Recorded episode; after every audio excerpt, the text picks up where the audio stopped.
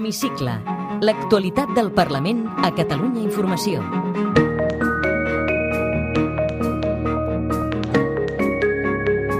Pressupostos, pressupostos i pressupostos. El Parlament centra aquests dies la seva activitat en la tramitació dels comptes. Aquesta setmana s'han debatut les 13 esmenes a la totalitat a les seccions que Ciutadans, PSC, CUP i Partit Popular van presentar. I cap novetat, els vots en contra dels grups del govern, Junts per Catalunya i Esquerra, i l'abstenció dels comuns han fet que quedessin rebutjades i, per tant, el pressupost continuï el seu recorregut. La mateixa setmana que s'ha tornat a reunir la Comissió del 155 per escoltar la banca i els motius que els van portar a traslladar les seves seus fora de Catalunya Catalunya. I a la de Justícia, el fiscal superior ha carregat contra els permisos que s'han atorgat als presos, apuntant directament cap a la conselleria. Benvinguts a l'Hemicicle. L'Hemicicle.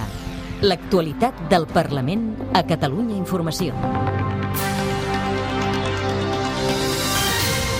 A l'hemicicle us explicarem que els pressupostos continuen endavant. Rebutjades les esmenes a la totalitat de les seccions de l'oposició. Els socialistes anuncien que no es donen per vençuts. Anuncien esmenes a l'articulat per redistribuir 185 milions. La banca a la comissió del 155. Banc Sabadell i CaixaBank reafirmen el trasllat de la seu i ho argumenten per les pèrdues que van patir. El trasllat de les obres de Sixena, la màxima expressió del 155 a Lleida. Així ho explicava el director del Museu de Lleida, que criticava el desplegament policial durant el trasllat. El fiscal superior de Catalunya en contra dels permisos per als líders independentistes a la presó. A la Comissió de Justícia assegura que es van autoritzar més de 2.000 visites d'autoritats en pocs mesos. I avui ens contestaran una frase al qüestionari de l'hemicicle. Esperança Garcia, a Partit Popular de Catalunya, Parlament.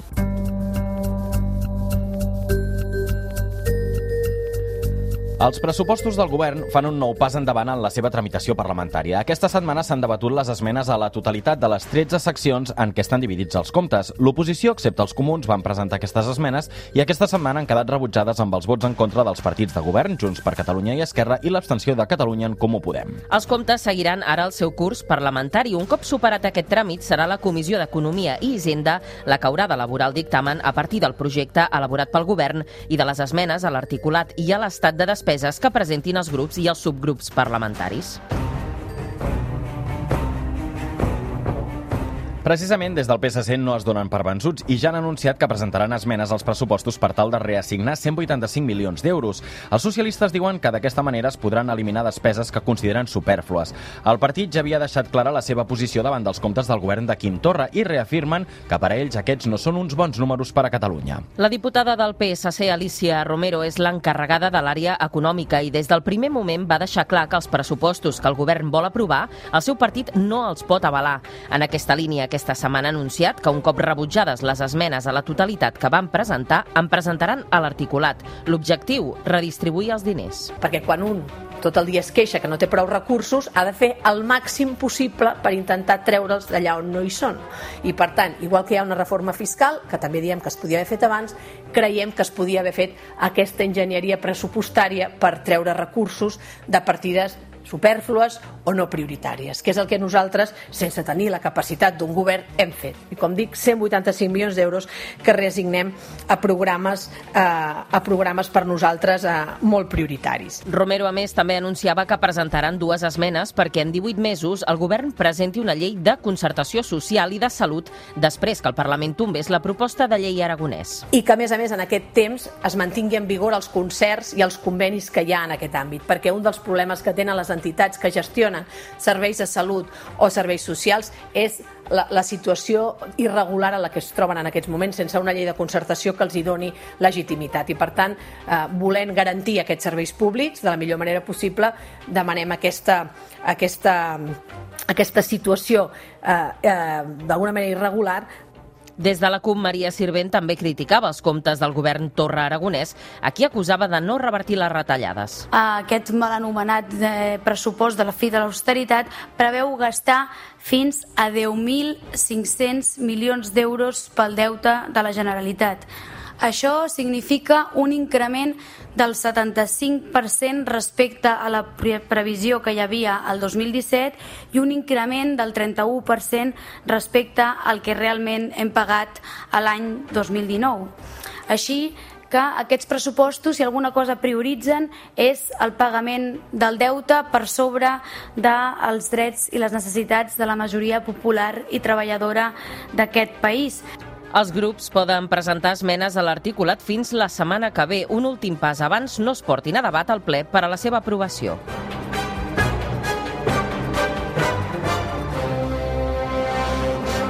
L'Hemicicle. El Parlament a Catalunya Informació.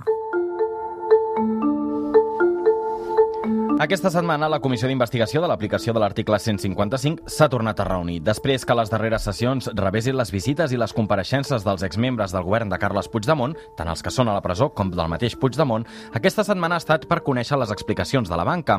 I hem pogut escoltar Banc Sabadell i CaixaBank, que han negat haver rebut pressions polítiques per traslladar la seva seu fora de Catalunya. Les dues entitats defensen que van decidir traslladar la seva seu per motius estrictament econòmics, basant-se en la fugida de fons que van tenir els dos dos bancs la primera setmana d'octubre.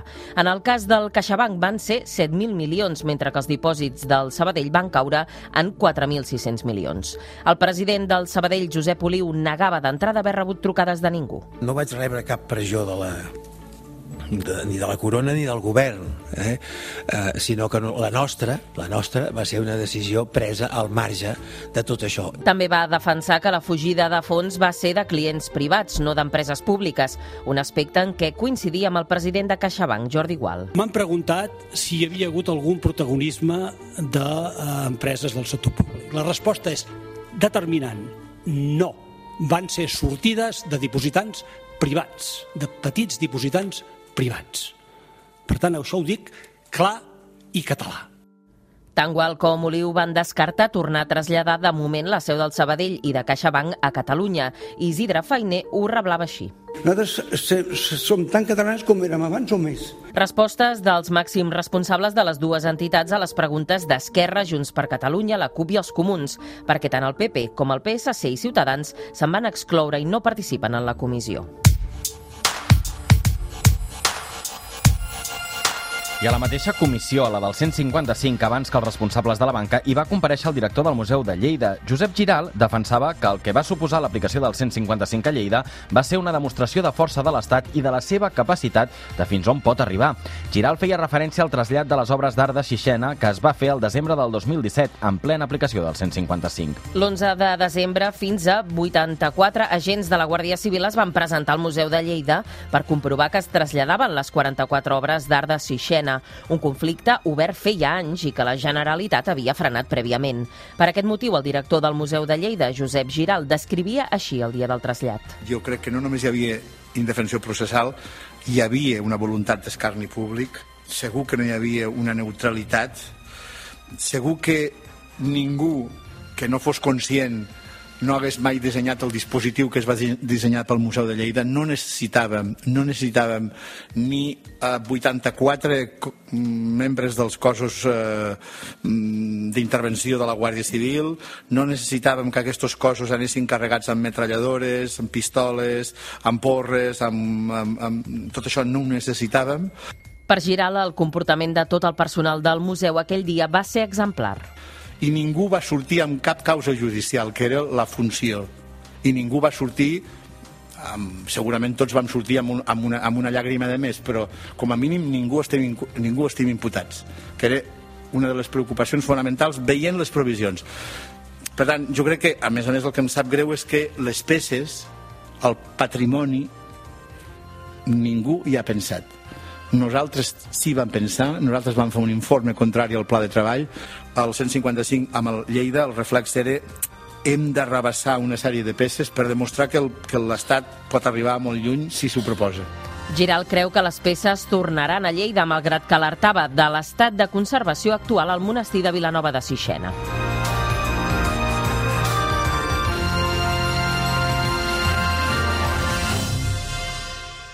L'Hemicicle. L'actualitat del Parlament a Catalunya Informació. Més comissions aquesta setmana al Parlament. A la de Justícia hi ha comparegut el fiscal superior de Catalunya. Ho feia per explicar la memòria del 2018, però al torn de les preguntes dels grups va abordar qüestions de l'actualitat política. Francisco Banyeras criticava la rapidesa amb què la Conselleria de Justícia ha concedit els permisos als líders independentistes per sortir de la presó i anar a treballar. El fiscal superior de Catalunya també va aprofitar la seva intervenció per xifrar per primera vegada les visites que van rebre els presos durant els primers mesos, 2.300. El fiscal, en este caso, pues supongo que sería el de vigilancia penitenciaria, pues quizá a lo mejor hiciera algún toque o, o diera una más que nada por lo que supone de llamativo, ¿no? que, que en fin, creo que habla de 2.300 visitas de autoridades en, escala, en pocos meses. Banyeres assegurava que ell també hauria presentat tots els recursos contra els permisos que s'han atorgat als polítics independentistes, tal com han fet els fiscals, i apuntava directament cap a la Conselleria de Justícia. No és freqüente en casos, en penas largas privativas de libertad, digamos, propiciar este tipo de, en fin, este, este tipo de beneficios o este tipo de permisos a tan pronto cumplimiento de la pena. Banyeres, a més, té sobre la taula la petició del Tribunal Constitucional d'investigar el president del Parlament, Roger Torrent, així com els dos membres de la mesa de Junts per Catalunya, Josep Costa i Eusebi Campdepadrós, per desobediència, per haver admès a tràmit resolucions que, segons el tribunal, anaven en contra de les seves sentències sobre l'autodeterminació i la monarquia.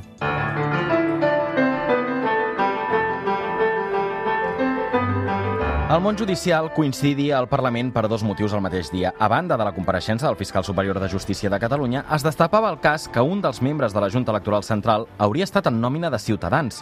Aquesta informació posa en entredit les decisions que ha pres aquest organisme, com la suspensió del president Torra com a diputat, després que fos Ciutadans qui ho sol·licités. Després que el mateix president Torra anunciés que presentaria una querella per suborn, prevaricació i delicte electoral contra el ja exvocal de la GEC, Andrés Betancourt, la portaveu del partit al Parlament, Lorena Lorena Roldán negava cap vinculació i després assegurava que si hagués estat així no hauria comès cap il·legalitat.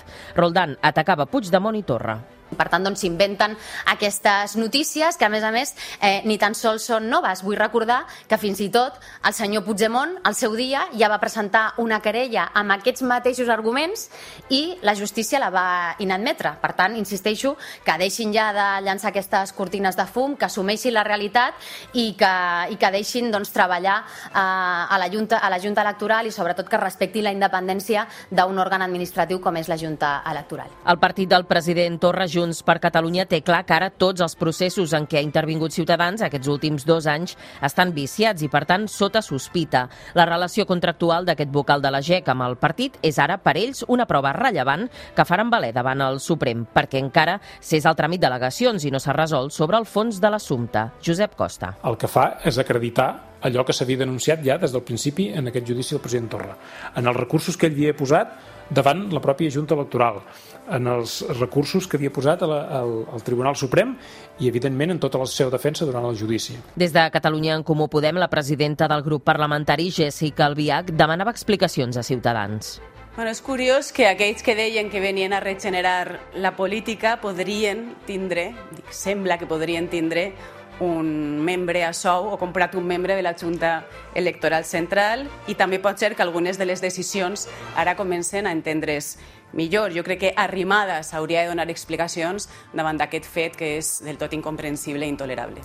Segons informava el diario.es, Andrés Betancourt va estar a sou de Ciutadans entre el 2017 i el 2019, mentre es decidien qüestions com la candidatura del president Puigdemont a les eleccions europees o denunciar Torra per desobediència pels llaços grocs.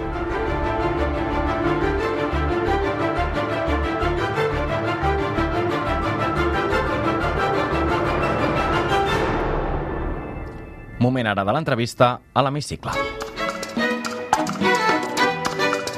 Té la paraula Esperança Garcia, a Partit Popular de Catalunya, Parlament. Amb la mirada posada a les eleccions, Partit Popular i Ciutadans s'estan acostant. Aquí a Catalunya com està la situació?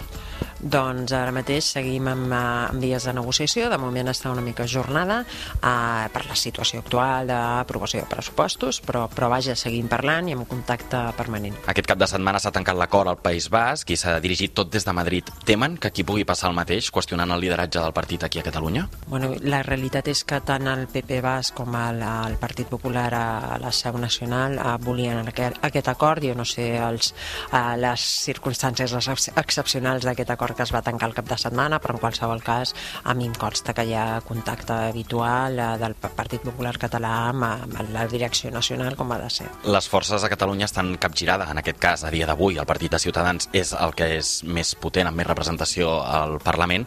Per tant, això pot variar una mica com s'encarin les negociacions si finalment es tanca aquesta coalició? Bé, és, és una evidència, no? La Ciutadans té un grup eh, parlamentari més nombrós que nosaltres, nosaltres el, el tenim molt humil, eh, però després les fotografies fixes eh, canvien, no? I les enquestes ens donen tot, doncs, tot el contrari, una tendència a la baixa molt important de Ciutadans i una pujada doncs, significativa del Partit Popular. En qualsevol cas, tampoc em vull avançar ni ens volem avançar a fer valoracions sobre quin seria el percentatge de col·laboració amb una llista conjunta i en qualsevol cas jo crec que és més una obligació que ens demanen els propis electors de suma i, i hem, de, hem de respondre a aquesta demanda dels nostres electors. L'objectiu és unir-se per acabar sent un sol partit? És a dir, que Ciutadans i PP es dilueixin en una sola marca? L'objectiu és sumar forces. Eh, L'objectiu és posar en comú tots, els, tots aquells punts que creiem que són essencials per tornar a l'estabilitat, a la seguretat jurídica i al progrés a Catalunya. Som dos partits diferents, amb determinades qüestions i, i coincidim i amb d'altres no, i, i aquest és de moment l'objectiu, sumar esforços i eh, posar sobre la taula allò que tenim en comú i que pot ser bo per la ciutadania i pels electors de, de Catalunya. Parlem dels pressupostos que el govern de la Generalitat ha portat aquí al Parlament. Estan seguint el seu curs. No sembla que les esmenes que ha presentat eh, l'oposició, inclosos el Partit Popular, hagin de prosperar. El Partit Popular es planteja anar més enllà, per exemple, el Consell de Garanties Estatutàries? Bé, no descartem eh, cap via. Eh, en qualsevol cas, de moment eh, estem amb una instrumentalització clara dels pressupostos de Junts per Catalunya i Esquerra Republicana que el volen fer servir quasi, quasi d'eslògan de precampanya. No? Eh, fan servir la paraula responsabilitat quan justament el responsable és eh, doncs, eh, no convocar eleccions després de l'aprovació d'un pressupost que després no sabràs ni qui executarà i que més eh, compromet en molts casos, moltes de les places de nous funcionaris públics anunciat a Catalunya. I aquesta és la realitat. No descartem, però, el, el, el, bueno, el demanar un dictamen al Consell de Garanties Estatutàries si, si creiem que es cau. Parlem de la, de la taula de diàleg, que el Partit Popular s'hi oposa, aquesta taula de diàleg entre el govern de l'Estat amb el govern de la Generalitat. No aposten pel diàleg per intentar solucionar la situació? Nosaltres creiem que la, la taula que es va produir ahir, ahir a la tarda a Madrid eh, no és una taula de diàleg, que és el sotmetiment del govern d'Espanya, del senyor Pedro Sánchez, als requeriments d'una d'una part de la població de Catalunya amb representació política, que és el, el govern de la Generalitat, que representa menys de la meitat de la població catalana. És curiós que tenint situacions doncs, complexes a Catalunya, amb una economia resilient, que fins i tot reconeix el propi govern, doncs no s'entomin a problemes i millores en termes d'educació, en termes de connectivitat, en termes de competitivitat, amb eh, incentiu perquè les empreses doncs, eh, s'instal·lin i vegin atractiu el destí de Catalunya, que ja no ho és pels, per les dades econòmiques que tenim de creixement d'altres comunitats autònomes. Llavors, això no és una taula de diàleg, això és un requeriment i una obligació a la que es veu, es veu eh, sotmès al, al govern del Pedro Sánchez perquè, entre altres coses, va arribar a ser investit president justament pels partits que formen part d'aquesta mesa. Respongui amb una paraula o amb una frase, si pot, aquestes qüestions. Amb la crisi climàtica cal... Determinació, però també realisme. La pobresa energètica és? És una qüestió social que cal coordinar des de les administracions públiques. Quina llei li agradaria aprovar? La reforma de les pensions. Jo crec que és la cosa que més, eh, que més por genera a les generacions actuals i les del futur i crec que és bo posar en comú tot per intentar assegurar la seva sostenibilitat en el temps. Per què ha decidit dedicar-se a la política? És una passió, és una vocació i jo crec que dedicar un temps de la teva vida a l'art de la política i a intentar millorar la vida de la gent és una cosa molt positiva des del punt de vista personal i crec també des del punt de vista polític. Es veu algun dia liderant una candidatura a la presidència de la Generalitat? Doncs uh, no ho he pensat mai. Sempre he dit que jo em dedico a política un temps determinat de la meva vida, que jo sóc jurista i que m'he dedicat també al periodisme i en qualsevol cas eh, vull viure el dia a dia i no pensar en l'endemà, a excepció de les coses que poden millorar la vida de la ciutadania. I per tant, què farà quan deixi la política? Doncs és molt probable que torni a la meva professió o coses que estiguin relacionades també amb el món de la comunicació que m'agrada molt. Fa autocrítica? Uh, moltes vegades, fins i tot a vegades massa, no? I els que som una mica... hem sigut educats amb l'ex- amb l'exigència, de, de vegades patim una miqueta, però, però és bo ser crític i també saber riure's dels seus propis errors, no? Té una vocació frustrada? Sí, home, a mi m'ha- m'ha- m'ha- m'hagués agradat moltíssim ser professora de filosofia. Ja sé que és estrany, però m'hagués encantat. Té mútua o va a la salut pública? Tinc mútua, però a vegades vaig a la salut pública i a vegades a la privada, segons, segons la rapidesa de la cita. I la sanitat pública catalana a vegades triga una mica. Pis de lloguer o de propietat? Pis de lloguer. Una música que l'identifiqui. Potser el concert que hi vaig aquest cap de setmana, a Izal, doncs aquest, Paisatge favorit? al mar. Quin estil literari li és més agraït per llegir? Uh, la novel·la negra. Es posa contenta amb... Normalment amb un bon dinar. Què li fa por? Uh, por? Ostres, uh, crec que res. Respecte? Sí. Respecte al patiment, això sí, eh? però por no. Amb quin diputat o diputada d'un altre partit té pendent fer un cafè? No és pendent, però sí que me'l prendria, amb el Castillo, amb el Carles Castillo del PSC. Completi la frase. El que més m'agradaria... És ser útil. Moltes vegades ho penses, no? Amb aquesta legislatura que ha sigut totalment fallida i amb, eh, amb una situació d'inestabilitat, eh, ser útil és eh, part de la base de la vocació de dedicar-te a política. Moltes gràcies. Gràcies a vostès.